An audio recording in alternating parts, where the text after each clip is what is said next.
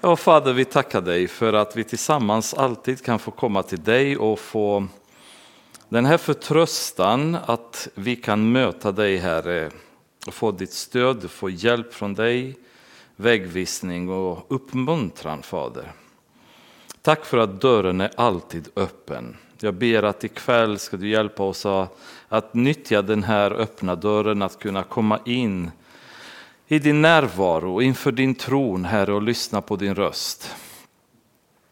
Varenda gång du talar till oss, Herre, så, så kvicknar vårt hjärta till. Det blir ett, en glädje, det blir en tillfredsställelse, det, fri, det blir en harmoni, en balans i våra liv, Herre, som vi allt som ofta saknar, Herre, när vi inte lever nära dig. Jag ber att ikväll att ditt ord med kraft ska komma in i våra hjärtan och göra förändring, Herre. Jag längtar efter att se förändring i mitt liv, i församlingens liv, Herre, där ditt ord ska börja verka och ge resultat. Och i Jesu namn vill vi komma inför dig, för då vet vi att då är våra böner lyssnade. Ditt öra öppnas och lyssnar på allt vi har att säga, för vi kommer i Jesu namn. Amen. Så, men eh, jag hoppas att ikväll att vi kan gå igenom hela sista delen av trettonde kapitlet i Apostlagärningarna eh, och röra oss vidare sen mot 14 och eh, de andra delarna av Paulus missionärsresa. Ni kommer ihåg att för, förra gången så var vi på Sypen i princip när han hade påbörjat resan. Hade åkt till Paphos där han träffade landshövdingen. Ehm, en trollkar som ställde till problemen som blev straffad med blindhet. Eh, som resultat av detta och Paulus evangelium så blev landshövdingen kristen. Och ehm, eh, det var inledningen kan man säga på Paulus första missionärsresa. Ehm, idag så, så börjar vi med vers ehm, 13 i kapitel 13. Ehm, och tar vi oss vidare genom den här missionärsresan. Paulus och hans följeslagare seglade sedan ut från Paphos och kom till Perge i Pamfilien. Och om ni kommer ihåg var hans följeslagare Barnabas och eh, Johannes Markus, då, det vill säga Markus som har skrivit Markus evangeliet. Så det de gjorde nu är att de helt enkelt eh, korsade havet här och så kom från Paphos in i Perge här i Pamfilien. Och eh, från Perga, där lämnade Johannes dem och återvände till Jerusalem. Och detta kommer vi inte prata så mycket om idag, men senare eh, när Paulus ska vidare på sin andra missionärsresan, då har han en dispyt med Barnabas kring huruvida de ska ta med Markus eller inte. Och Paulus vill inte ta med Markus därför att han hade lämnat dem under detta, den här första missionärsresan. Men Barnabas ville gärna ta med Markus och som resultat av den här dispyten så splittras de två och Paulus tar med sig Silas och går på sin andra missionsresa och Barnabas tar med sig Markus och går på en annan resa. Ehm, så uppenbarligen lämnade Markus dem i sticket kan man väl säga. Han, ehm, han, han upplevdes som att han var oschysst uppenbarligen utav Paulus och vi vet inte varför han lämnade dem. Det kan vara så att han var trött, han hade tappat motivationen, det kan ha varit något annat, någon annan anledning, personliga problem, vad som helst. Men det upplevdes som att han deserterade dem helt enkelt. Och Paulus var inte glad över detta när de skulle bestämma sig huruvida han skulle följa med på andra missionsresan. Ehm, så han lämnade dem vid det här läget och återvände till Jerusalem. Själva fortsatte de sin resa från Perge och kom till Antiochia i Pisidien. Ni kommer ihåg att vi pratade om en annan Antiochia där de åkte ifrån och det var ju Antiochia i Syrien. Och nu kommer de till Antiochia här i Pisidien. Och det var en, eh, en hyfsat lång bit att ta sig från Perge till Antiochia i Pisidien. Och just den vägen var inte särskilt lätt väg att eh, gå igenom. Det var väldigt bergigt och eh, många bergspass som var svårt trängda och dessutom fulla av rånare. Eh, så det var en farlig väg som man fick ta sig från Perge till Antiochia. Paulus senare i Korintierbrevet beskriver bland annat eh, ett antal av de eländen som han har upplevt på sina resor. Och då skriver han att han har eh, blivit, han har haft att göra med rånare också. Då. Och eh, huruvida det hände på den här resan eller inte, det vet vi inte för det, det sägs ingenting här. Men det var en, en tuff väg, en farlig väg och man fick också höjd eh, Eh, klättra en hel del, upp till runt tusen meter då för att kunna korsa över och komma till Antiochia i Syrien. Det blir lite också, i Bibeln så står det oftast liksom Antiochia i Pisidien just för att man ska göra skillnad. Och anledningen till det är att det fanns massvis med städer som hette Antiochia. Ehm, om ni kommer ihåg, och det är klart ni kommer ihåg, när vi var i Daniel, kommer ni ihåg att vi pratade om Antiochus Epifanes? Eh, han som hade tagit med sig ett svin in i templet och offrat det på altaret för att förorena altaret och så vidare. Ehm, när han, ehm, han eh, ja, regerade då så namnet så att säga, Antiochus blev väldigt stort. Då. Och en kung som kom därefter då från Seleucidernas stam han började etablera massa städer som man kallade eh, Antiochia som ett minne av Antiochus-kungen. Och det blev, jag tror de sa det var någonstans runt om det var 16 olika städer, eller 60 städer, jag kommer exakt inte ihåg, en massa som heter Antiochia i alla fall. Um, därav så, så står Antiochia i Pisidien så att man är verkligen med på noterna och vet var man befinner sig någonstans. Så de har i alla fall lyckats att ta sig från Pafos till Perge hela vägen. Nu är de här uppe i Antiochia i Pisidien, nuvarande Turkiet idag. Så själva fortsatte de sin resa från Perge och kom till Antiochia i Pisidien. På sabbaten gick de till synagoga och satte sig. Efter läsningen av lagen och profeterna lät synagogaföreståndarna hälsa dem Bröder, om någon av er har ett ord av tröst och förmaning till folket, så säg det. På den tiden kan man väl säga, så var synagoga, alltså dyrkan, gudsdyrkan utövad i synagogan i när de befann sig utanför Jerusalem. I Jerusalem så fanns det templet. Men efter de hade kommit tillbaka från babyloniska fångenskapen. Um, Nehemia han kom tillbaka och påbörjade upp, utbyggnaden av murarna kring staden, kring Jerusalem. Men det fanns inget tempel att tillbe. Zerubabel han kom lite senare och påbörjade byggnationen av nya templet. Men däremellan så fanns det en period där det fanns ingen plats där judarna kunde samlas och utöva sin religion längre. Och då kom Esra som var präst och han startade det som även idag har vi bland judarna och det är synagogasystemet där de har börjat öppna som vi har, massa små församlingar över hela landet där man nu började undervisa lagen, undervisa Guds ord till folket igen eftersom det fanns inget tempel. Och konceptet fortsatte vidare där judar som spreds över hela världen då på den tiden, de etablerade synagogor där de befann sig, där de bedrev sin religiösa verksamhet. Och det bestod i princip av att man läste eh, ordet, eller man läste skrifterna och sen tolkade man dem. Då är det frågan, vilka skriften läste man? Eh, var det den här bibeln som vi har? Uppenbarligen inte eftersom det innehåller Nya Testamentet som inte var skriven då. Det de läste i synagogorna det var lagen och profeterna.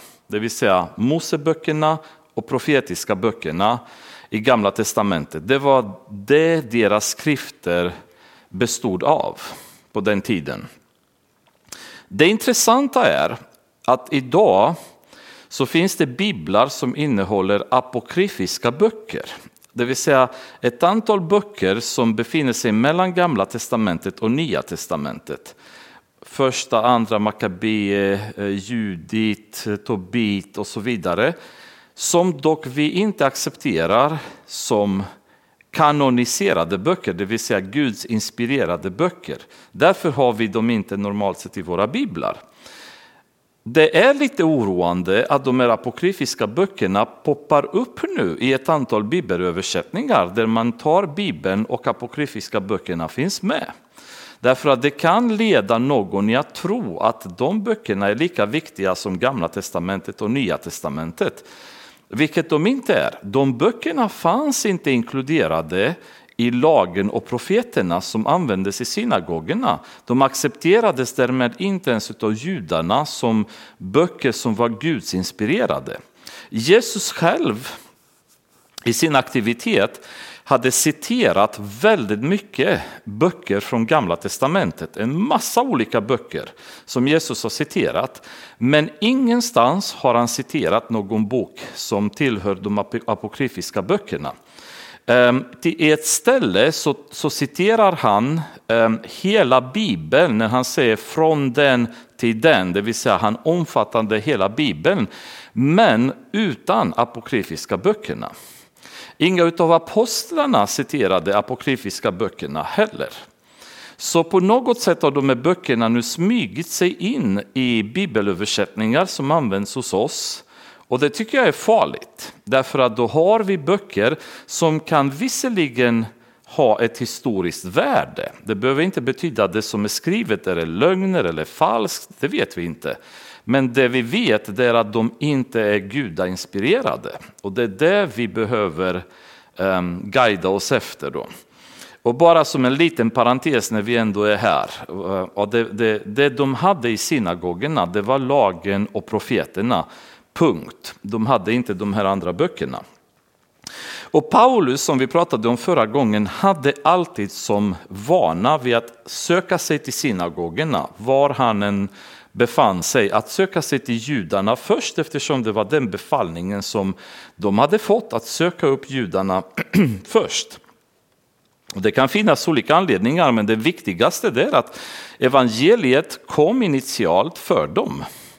Och bara när de vände Jesus ryggen, då öppnades dörren för hedningarna, för att de också ska kunna få ta del av evangeliet.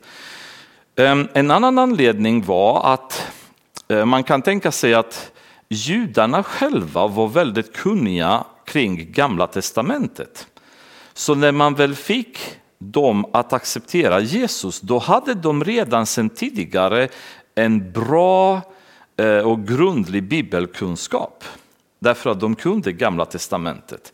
Om man gick till en hedning och predikade evangeliet, de kunde ingenting. Så det var mycket mer arbete att få en hedning att växa och förstå Gud när man börjar från början med Gamla Testamentet, lagen, profeterna och sen Jesus jämfört med en jude som redan kunde den biten väldigt bra och det enda de behövde var öppna ögonen och förstå vem Jesus var. Och plötsligt så var de redo att kunna gå ut och evangelisera och nå andra med budskapen. Så det var eh, väldigt bra kan man säga att kunna få en jude ehm, att, att komma till Gud. Sen var det så att i synagoger på den tiden så var det faktiskt speciellt i områden som var ute i romerska riket, i utposterna, så var det väldigt många hedningar som kom till synagogan.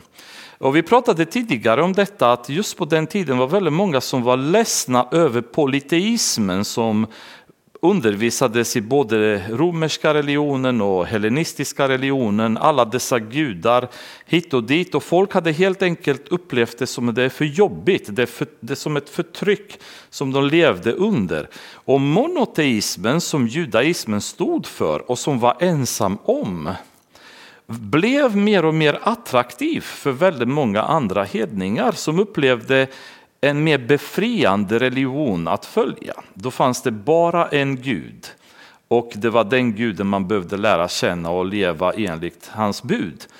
Jämfört med deras religioner som hade hur många gudar som helst och det blev rörigt och det blev bökigt och ingen visste till slut vad som var vad. Och rätt var det så kom romerska kejsaren och sa jag är också Gud förresten och ni ska tillbe mig och så vidare. Så judaismen hade börjat locka flera hedningar som nu kom till synagogorna och deltog i, i gudstjänsterna där som var proselyter som man kallade det, vill säga lite anhängare till judaismen. Och de fanns ju alltid i synagogorna också när Paulus kom dit.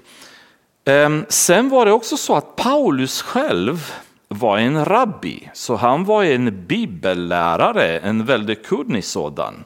Så när han kom till synagogorna då var det alltid vanligt på den tiden att man gav ordet till de olika rabbis som fick då undervisa i synagogan. Så det, det var ett väldigt smidigt sätt för honom att redan komma till tals och börja medverka bland de som fanns där.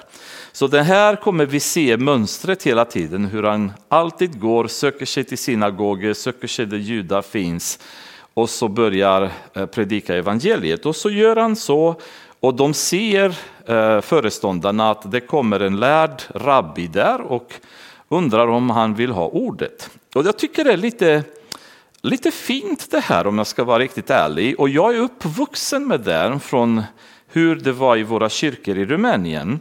Där så fort någon kristen person från en annan församling kom då hälsade man dem alltid välkomna och undrade om de hade ett ord att dela med församlingen.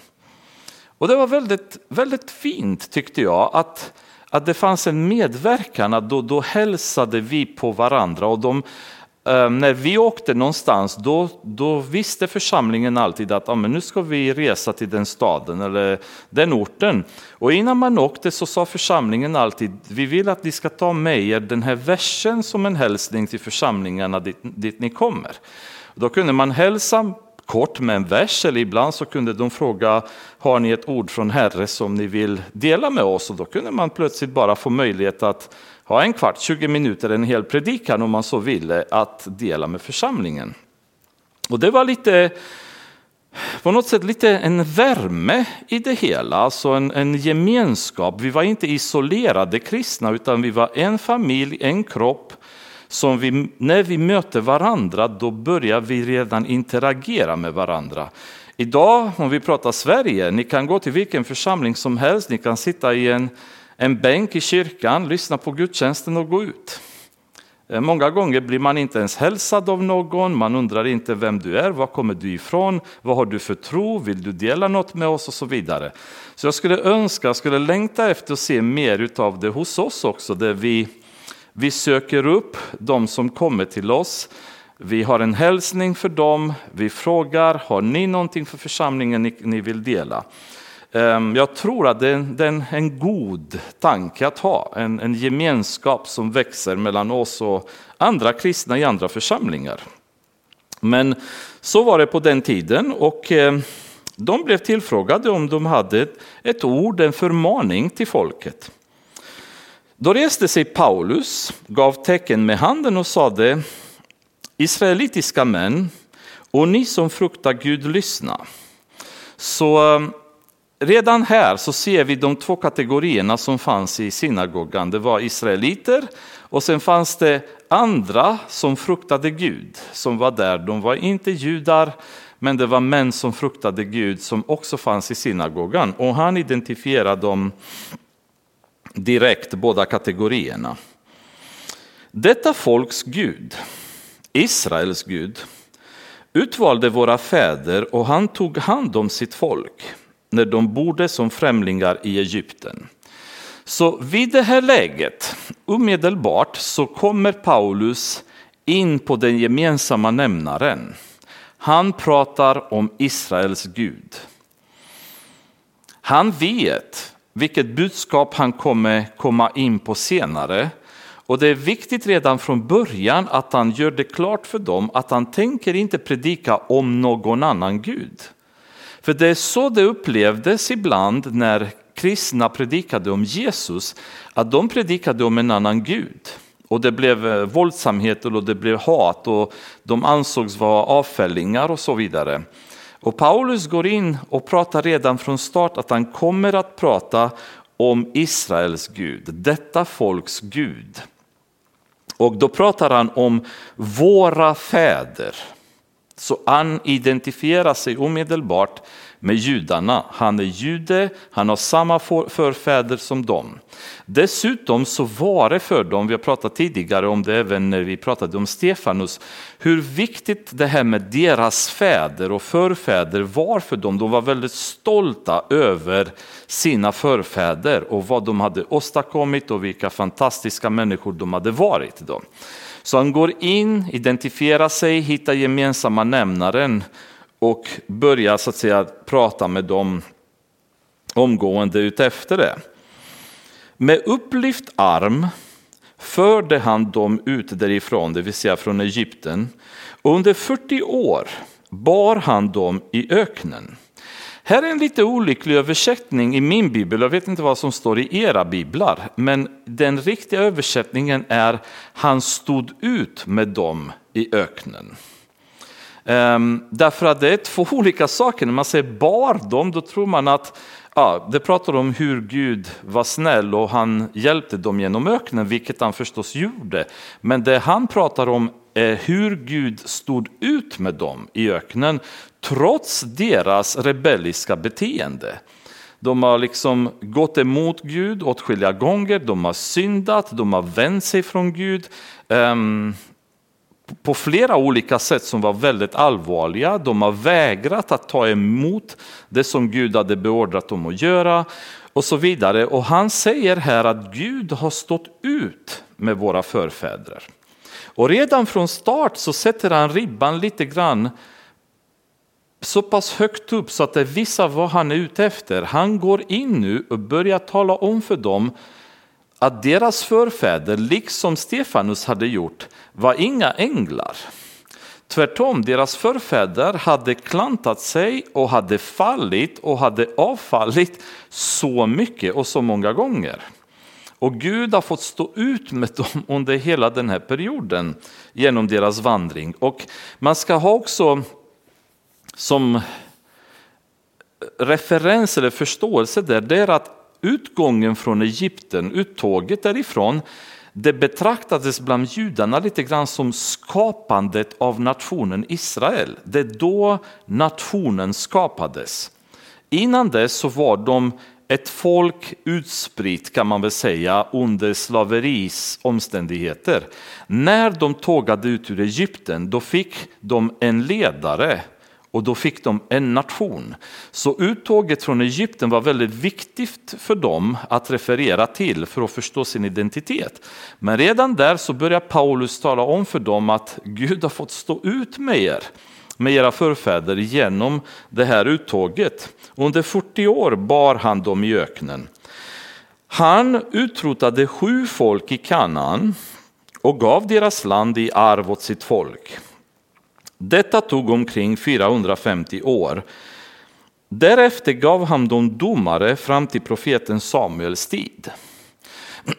Så Gud, ehm, det tog ungefär från att de kom in i Egypten tills de fick ett land under Josua så var det ungefär 450 år som den perioden hade tagit för dem.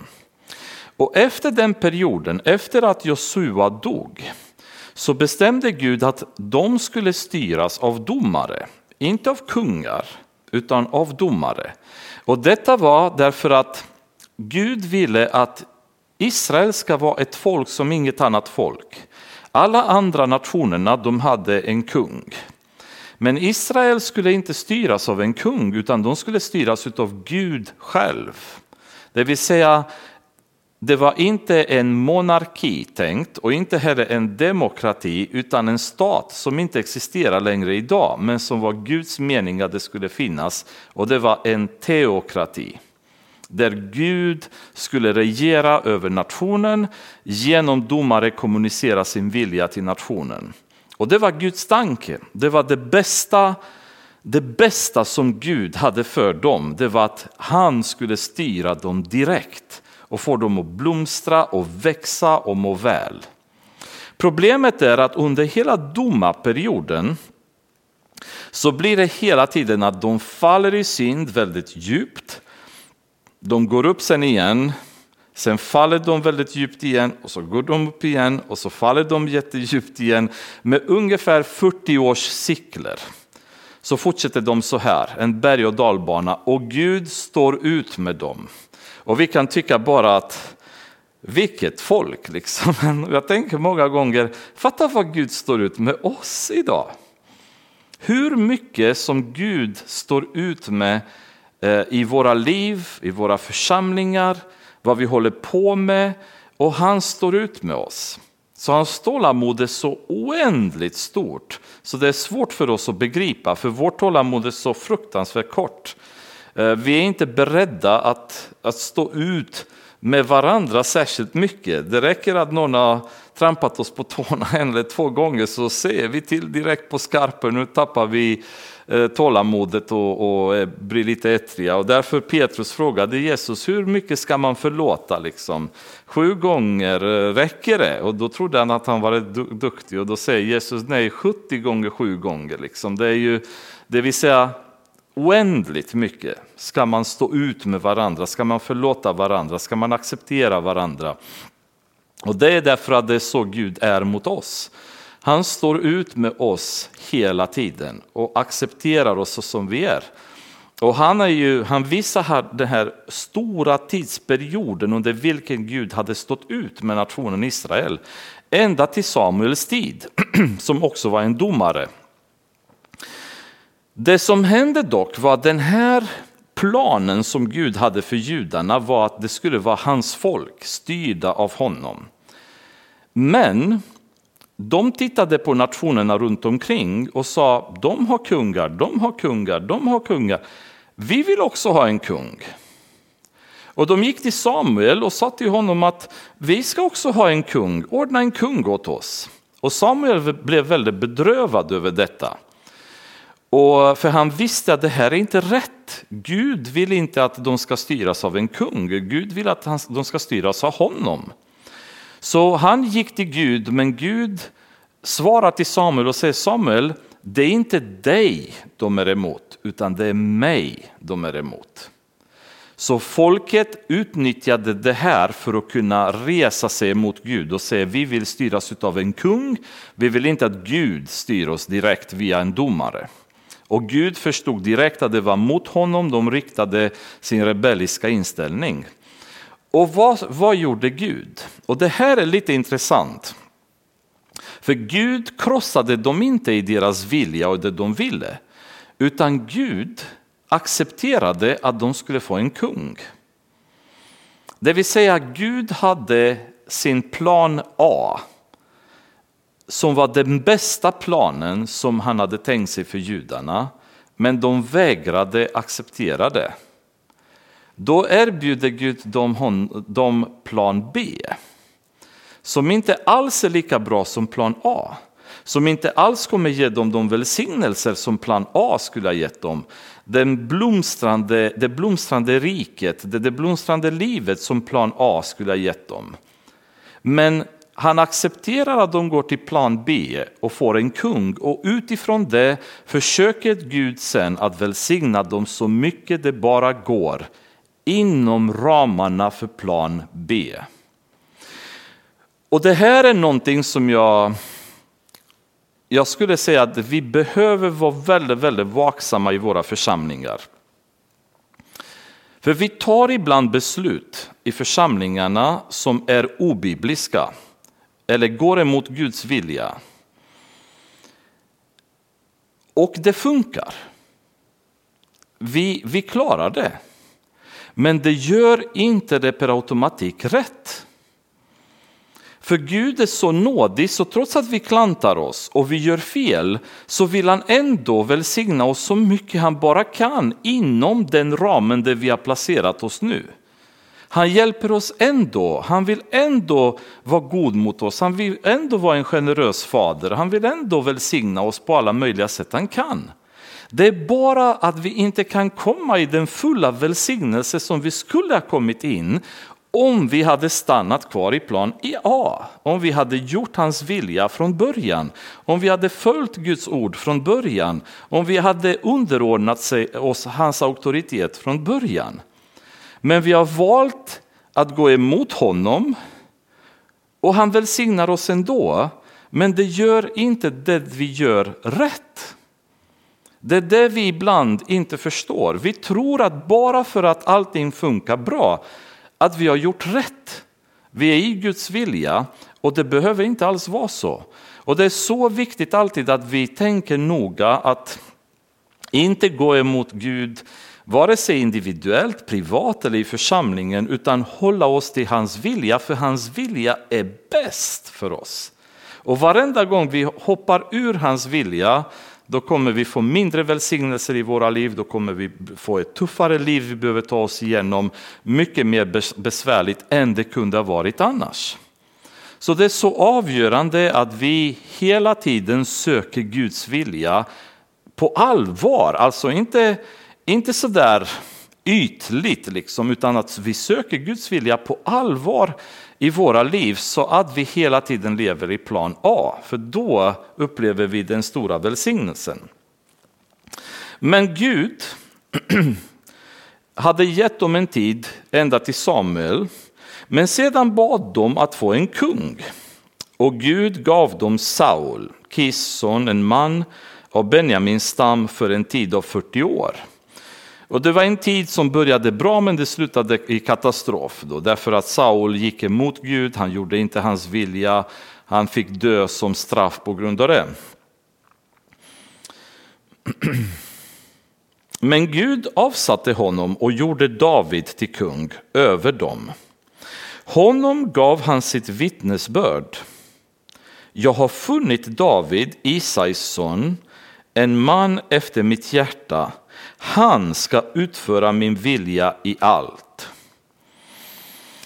Och här har vi egentligen Guds svar till varför han valde David.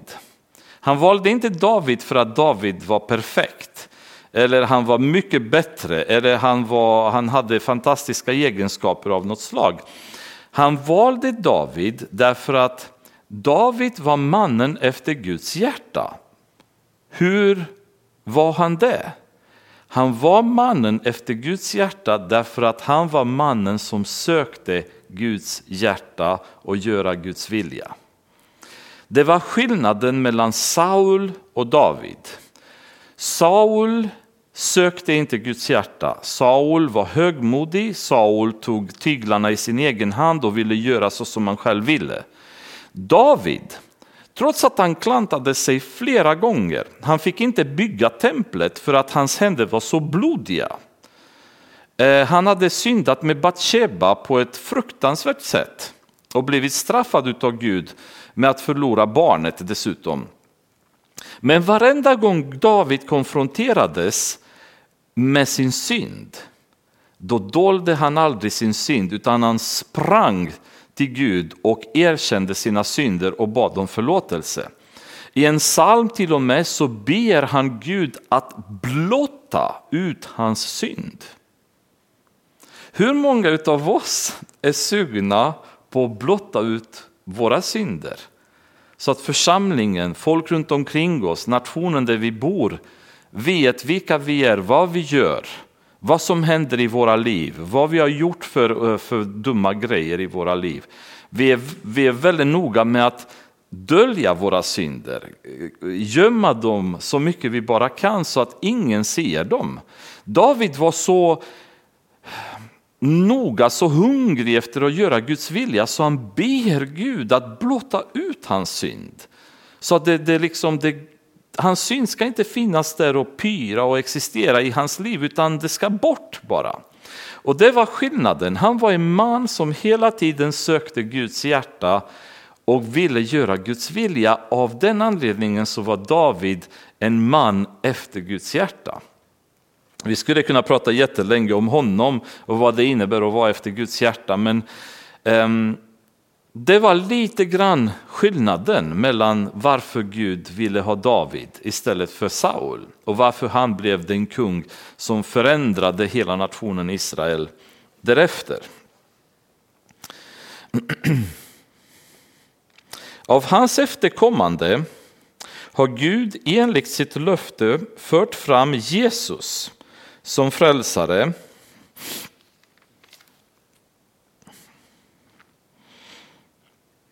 som frälsare för Israel. Innan Jesus trädde fram hade Johannes förkunnat evangeliens eh, för, förkunnat omvändelse dop för hela Israels folk.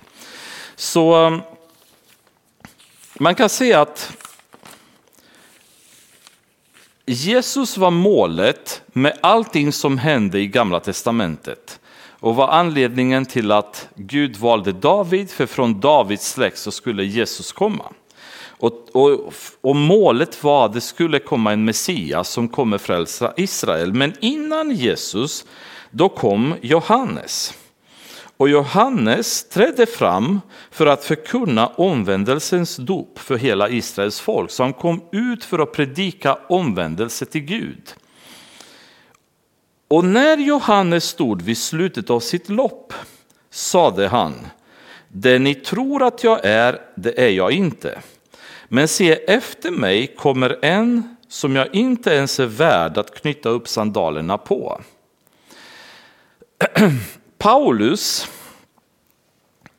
hade en... För honom det kristna livet var ett lopp. Han pratar om det här under flera tillfällen. Ehm, vi kan öppna bara två av dem i första Korintierbrevet kapitel 9. Så är det ett av de ställena där han pratar om sig själv då. och uppmaning till, till dem i Korint. Kapitel 9, vers 24. Då säger han så här, vet ni inte att av alla löparna som springer på en tävlingsbana är det bara en som får priset. Spring så att ni vinner det. Men alla som tävlar underkastar sig i allt hård träning. De för att vinna en segerkrans som vissnar, vi för att vinna en som aldrig vissnar. Jag löper alltså inte utan att ha målet i sikte. Jag boxas inte likt en man som slår i tomma luften. Istället slår jag, på, slår jag min kropp och tvingar den till lydnad för att jag inte själv på något sätt ska komma till korta vid provet när jag predikar för andra. Och i andra Timoteusbrevet i kapitel 4, vers 7 och 8 säger han, jag har kämpat den goda kampen, jag har fullbordat loppet, jag har bevarat tron. Nu ligger rättfärdighetens segerkrans i förvar åt mig. Den skall Herren, den rättfärdige domaren, ge åt mig på den dagen och inte bara åt mig, utan åt alla som älskar hans ankomst. Han pratar om sitt liv som ett lopp som han har fullbordat för Gud och nu vid slutet av hans liv så väntar han på segerkransen. Och när Johannes i vers 25 säger han stod vid slutet av sitt lopp när han hade sprungit färdigt sitt lopp, då sade han, det ni tror att jag är, det är jag inte. Men se efter mig, efter mig kommer en som jag inte ens är värd att knyta upp sandalerna på. När han var på slutet av sitt, sitt lopp, när han stod inför Herodes, så sa Johannes om Jesus i Johannes evangeliet, tredje kapitlet, vers 30. Han måste bli större och jag måste bli mindre. Nu är mitt lopp slut. Nu, nu är jag den rösten som var i öknen, som ropade för folk ska omvända sig till Gud. Den tiden är över. Den tid, den uppgift kan man säga som Gud hade haft för Johannes var slut. Och det tog slut väldigt snabbt. Och han, det tog slut väldigt drastiskt med att hans huvud blev avhugget. Men hans lopp var slut. Och det är ju mer och mer tydligt, skulle jag säga, även för, för mig, det är att jag är helt övertygad om att jag inte kommer leva längre än vad Gud har bestämt att jag ska leva och vad Gud har bestämt att jag måste leva för att utföra hans uppdrag här på jorden. Att springa ut mitt lopp. Att göra hans vilja, att utföra det som han har kallat mig till. När den tiden är över, då kan ingen läkare, då kan ingen behandling, då kan ingenting få oss att leva längre därför att vårt lopp är slut. Den uppgift som Gud har gett oss är över. Och den uppgiften varierar väldigt mycket. Den uppgiften har ingenting att göra med ålder. Den uppgiften har ingenting att göra med intressen eller eh, hur mycket vikt man har i en församling eller i en familj. Hur bra och hur heliga vi är, när vårt lopp är slut så tar Gud hem oss. Vi behövs inte längre. Och det är det som är sorgen hos väldigt många som tänker på döden. Det är att vad händer med min familj? Vad händer med mina barn om jag går bort? Vad händer med församlingen? Paulus delar lite de här tankarna när han säger att jag skulle vilja vara hos Herren men för er skull är jag kvar här. Den här permanenta så att säga, tvisten mellan att vara hos Gud, att vara hos dem som behöver mig här på jorden. Men egentligen när Gud bestämmer att någon ska gå, då har han lösningen för det andra. Och han tar hand om de andra som är kvar. Och det är sorgligt, ehm, man, man saknar de som går, men när loppet är slut, då är det slut. Och ibland är det slut när ett barn är tre år gammalt. Och ibland är det slut när någon är hundra år gammal.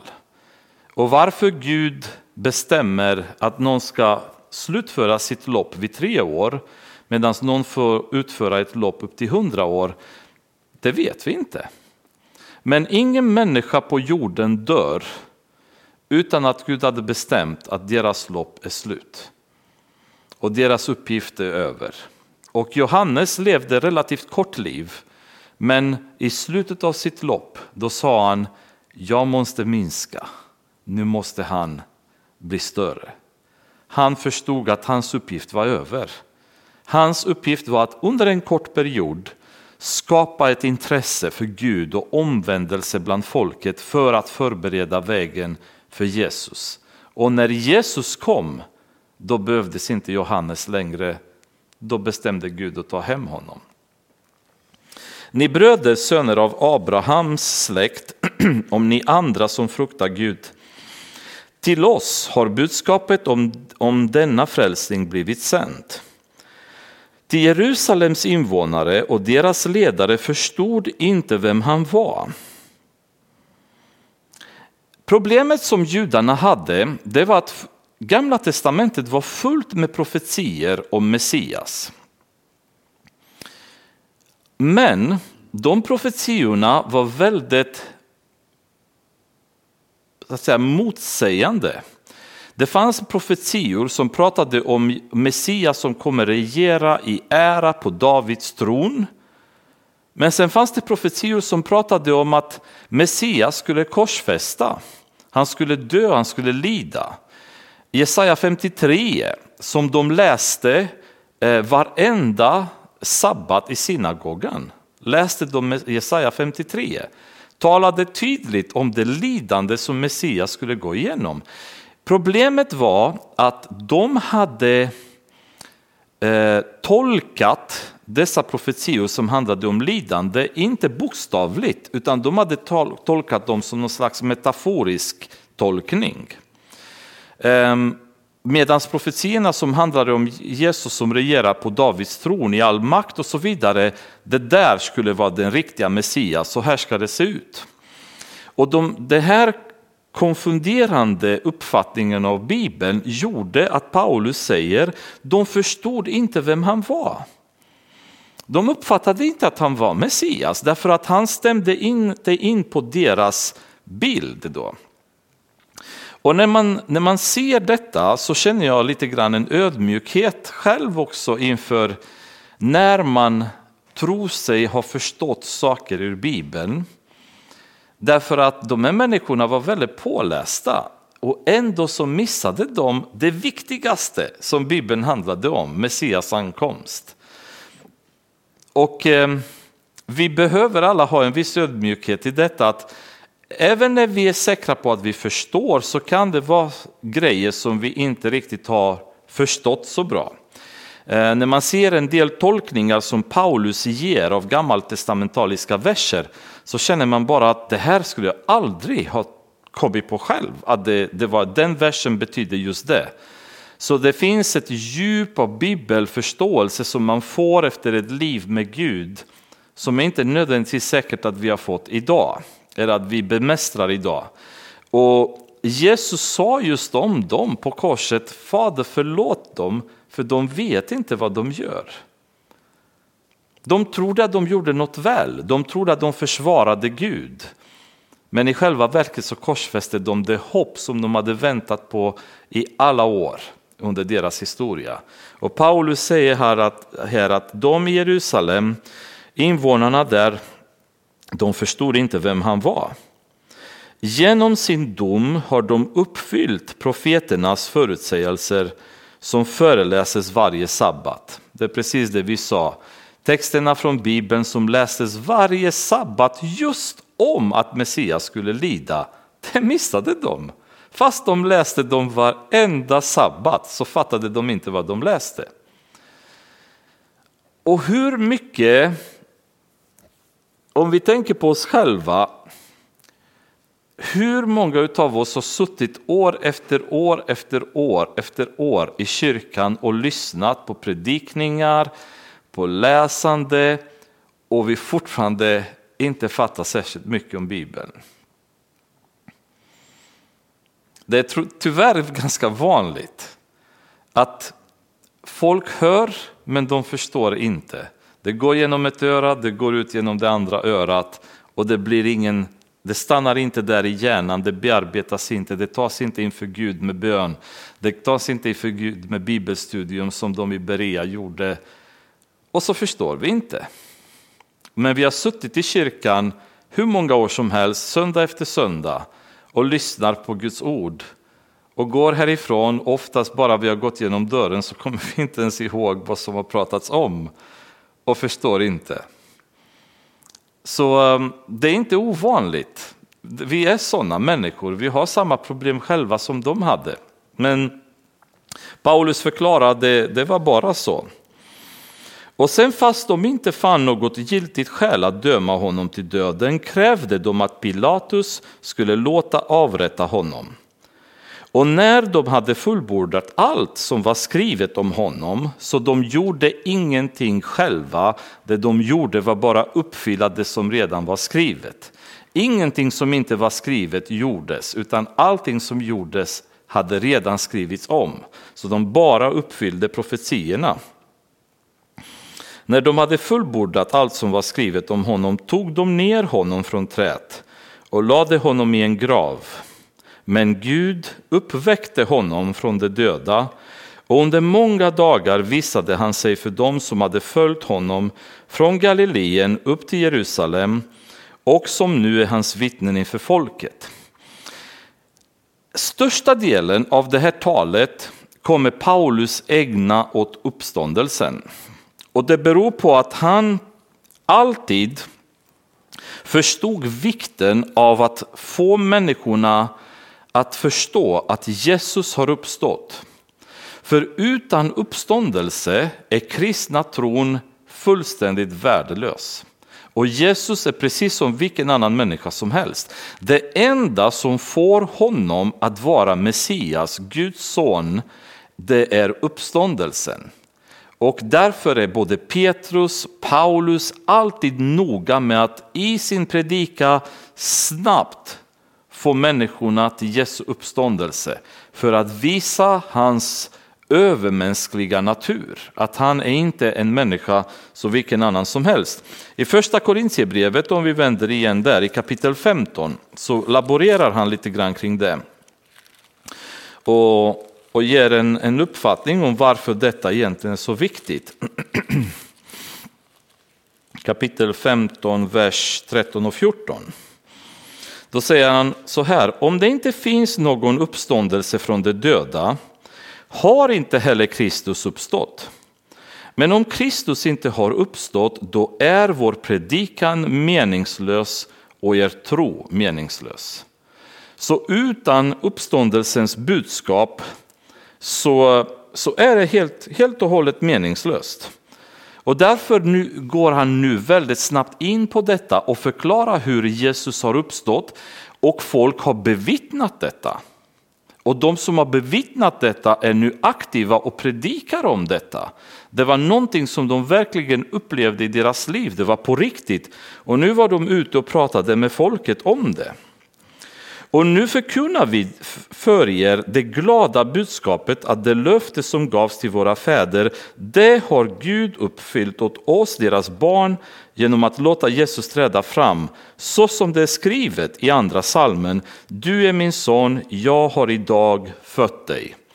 Så föreställ er, de är judarna, de sitter här, de har läst varje sabbat om Messias, de har hört talas om detta. Och nu kommer Paulus till dem och säger, det här som ni har läst om varje sabbat, det här har hänt. Och vi är här för att berätta för er att Messias har kommit och det är det glada budskapet som nu vill vi överföra till er.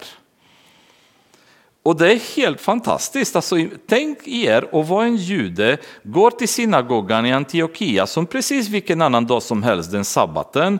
Tänker träffa mina polare, jag är lite halvtrött, sitter och gäspar i bänkarna, tänker på kaffet. När, när eh, gudstjänsten slut, det kommer börja min favoritserie sen i eftermiddag, jag vill hem, jag är hungrig, jag är trött, vad som helst. Och så plötsligt så kommer Paulus på den gudstjänsten och säger den Messias som ni har väntat på, honom vill vi prata om. Han har kommit. Han har blivit dödad, han har blivit korsfäst, men han har uppstått och det här är det glada budskapet som era förfäder har drömt om och väntat på i alla år. Alltså föreställ er sitta där i bänken och säga, aha, vad händer med mitt serie? Ska, ska jag fortfarande hem och titta på tv efter det här? Eller ska jag förändra mitt liv helt? Så jag går på en annan bana nu och börjar leva ett helt annat liv efter den här dagen, efter den här sabbaten, när jag kommit som precis vilken annan dag som helst. Mitt liv blir förändrat idag. Jag är halvtrött, jag är kanske lite ointresserad, jag har hört massa grejer tidigare, men plötsligt så hör jag att Messias har kommit. Va? Är det på riktigt? Har Messias kommit? Så föreställ er ändå Paulus stå där inför församlingen och tala om det här för, för de här människorna som bara kommer där för en vanlig gudstjänst, som vanligt. Och han ska stå där och tala om för er att, vet ni vad? Det här som ni har gjort och ni har varit med om i alla år, det är över. Messias har kommit och han har uppstått och han lever. Ganska häftigt om man tänker i, om man sätter sig i deras skor, hur det här måste ha känts. Och det är så, så fantastiskt hur Paulus alltid när han pratar citerar gamla testamentet. Och gamla testamentet är något som jag skulle verkligen uppmana er själva att inte negligera. Därför att det är så mycket som vi inte kan förstå i nya testamentet om vi inte bemästrar gamla testamentet. Gamla testamentet ignoreras väldigt mycket i kyrkor. Det är tungt, det har varit för, vi bryr oss inte om det, nu är det Jesus som gäller och så vidare. Men vi kan inte förstå Jesu lära ordentligt om vi inte förstår Gamla testamentet. Det är lätt att ta fel på saker om vi inte förstår Gamla testamentet. Och Paulus och Petrus och alla de är hela tiden, de citerar, de relaterar Jesus till Gamla testamentet för att folk ska verkligen förstå vad det handlar om och att han har uppväckt honom från de döda så att han inte mer kommer att vända tillbaka till graven. Det har han sagt med dessa ord. Jag vill ge er det heliga och fasta nådelöften som David fick. Därför säger han också på ett annat ställe, du ska inte låta din helige se förgängelsen. När David på sin tid hade tjänat Guds vilja insomnade han och blev lagd till vila hos sina fäder och såg förgängelsen. Men den som Gud uppväckte har inte sett förgängelsen. Därför ska ni veta, mina bröder, att det är genom honom som syndernas förlåtelse predikas för er och att var och en som tror förklaras rättfärdig i honom och fri från allt som ni inte kunde frias från genom Mose lag. Så han säger till dem nu att den lagen som ni har följt och tror på är maktlös. Den kan inte förlåta era synder och den kan inte förklara er rättfärdiga. I Romarbrevet kapitel 3 så eh, upp, eh, förklarar han det väldigt tydligt. Han säger så här, vers 19.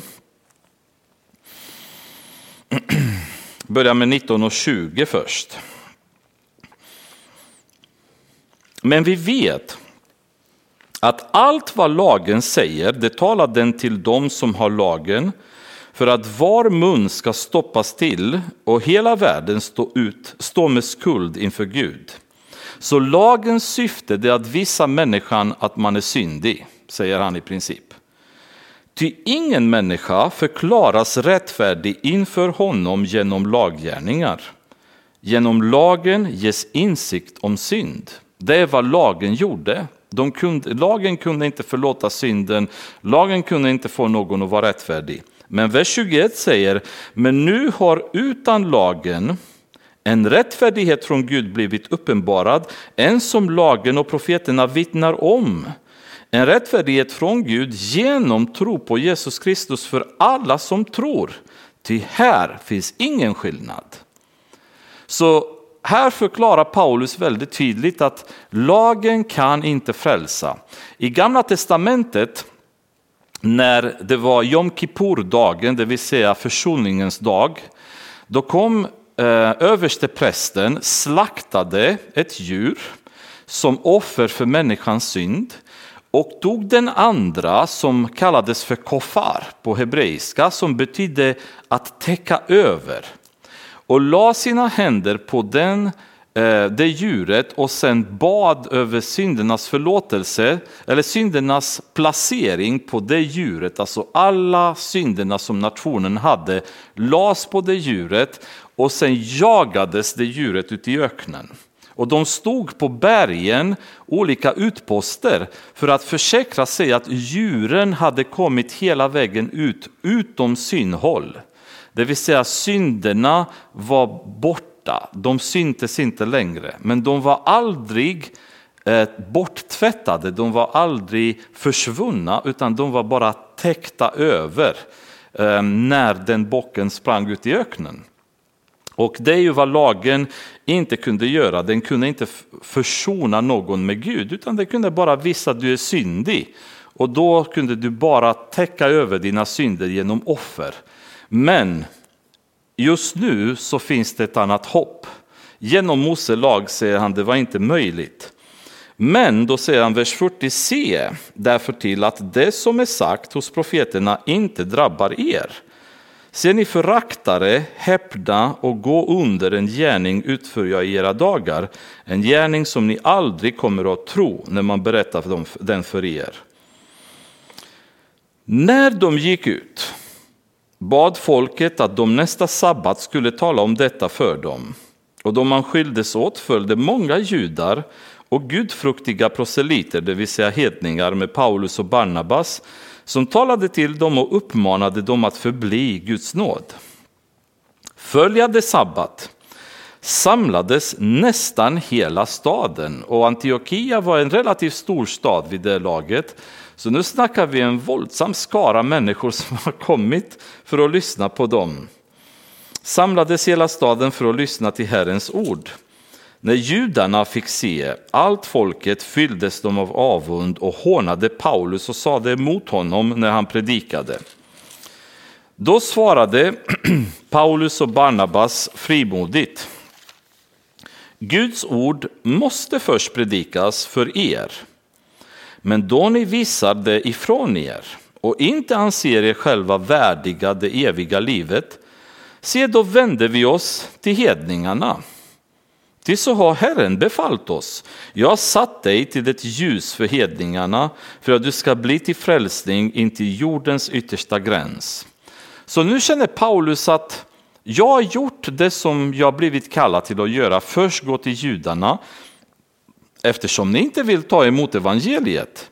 Då, nu kan jag vända mig till hedningarna, till det det egentligen Gud har kallat mig till. För han visste att han var kallad till att vittna evangeliet till hedningarna. Och vers 48 är så härligt, när hedningarna hörde detta blev de glada och prisade Herrens ord. Och de kom till tro så många som var bestämda till evigt liv. Så de satt där och väntade och väntade. Äntligen säger Paulus till judarna, ni bryr er inte. Då vände jag mig till dem och de var bara, ja, liksom, de, de väntade på evangeliet. De längtade efter evangeliet. De längtade efter Gud och Jesus och blev överlyckliga att Paulus säger, nu öppnar jag dörren till er så att ni kan komma till Gud. Och det är jättehäftigt att eh, ibland så, så känner man, man, man tänker på att vittna för vissa människor. Man har kanske några grannar som man känner att man vill vittna till eller någon arbetskamrat, någon skolkamrat och så vidare. Och så bara man bangar huvudet mot, mot väggen, det händer ingenting. De vill inte, de bryr sig inte, de hånar, de driver med en och så vidare. Och då känner man att ibland så måste vi vara vaksamma på detta och tänka, kan det vara dags att vi vänder och titta på någon annan som kanske längtar efter att höra Guds ord. Men vi har inte ägnat tid åt den personen, vi har inte vittnat för den personen än. För många gånger så blir det så att vi har i våra tankar en plan om vilka vi skulle vilja se komma till tro. Men det är inte säkert att de är de som ska komma till tro. För här står det att så många som var bestämda till evigt liv kom till tro. Så Gud, eh, vi vet ju från Romarbrevet, vi ska inte öppna och läsa nu, men Romarbrevet kapitel 8, vers 29 och 30, att de som Gud har förutbestämt har han kallat och de som har han kallat till tro har han också förhelligat sen. I Efesierbrevet kapitel 1 i vers 4-6 berättar Paulus om hur Gud har kallat, har förutbestämt oss innan världens begynnelse. Så detta gör att vi får ingen evangelisationskramp.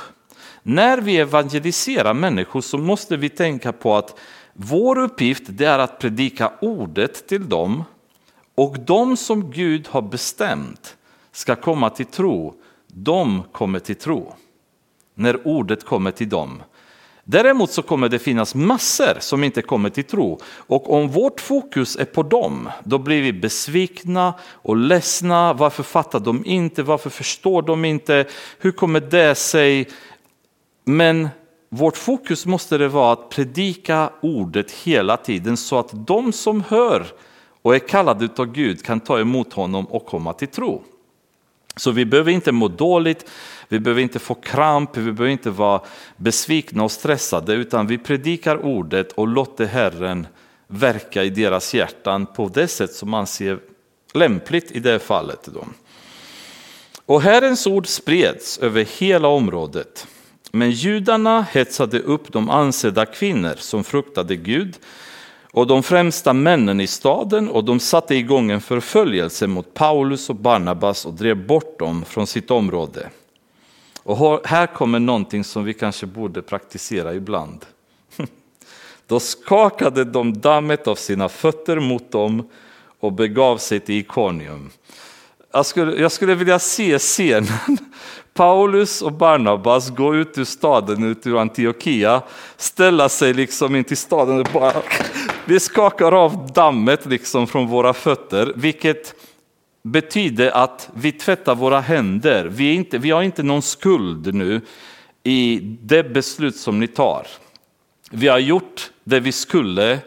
Vi har ingenting vi kan hållas till svars. Och det var ett bud som Jesus hade gett dem i Lukas evangeliet kapitel 9, där han skickade ut apostlarna och sagt att ta inte med er någonting utan gå och predika evangeliet och om de inte tar emot er då ska ni skaka av dammet från era fötter och det kommer bli jobbigt för den staden sen att stå till svars inför Gud som inte har tagit emot er.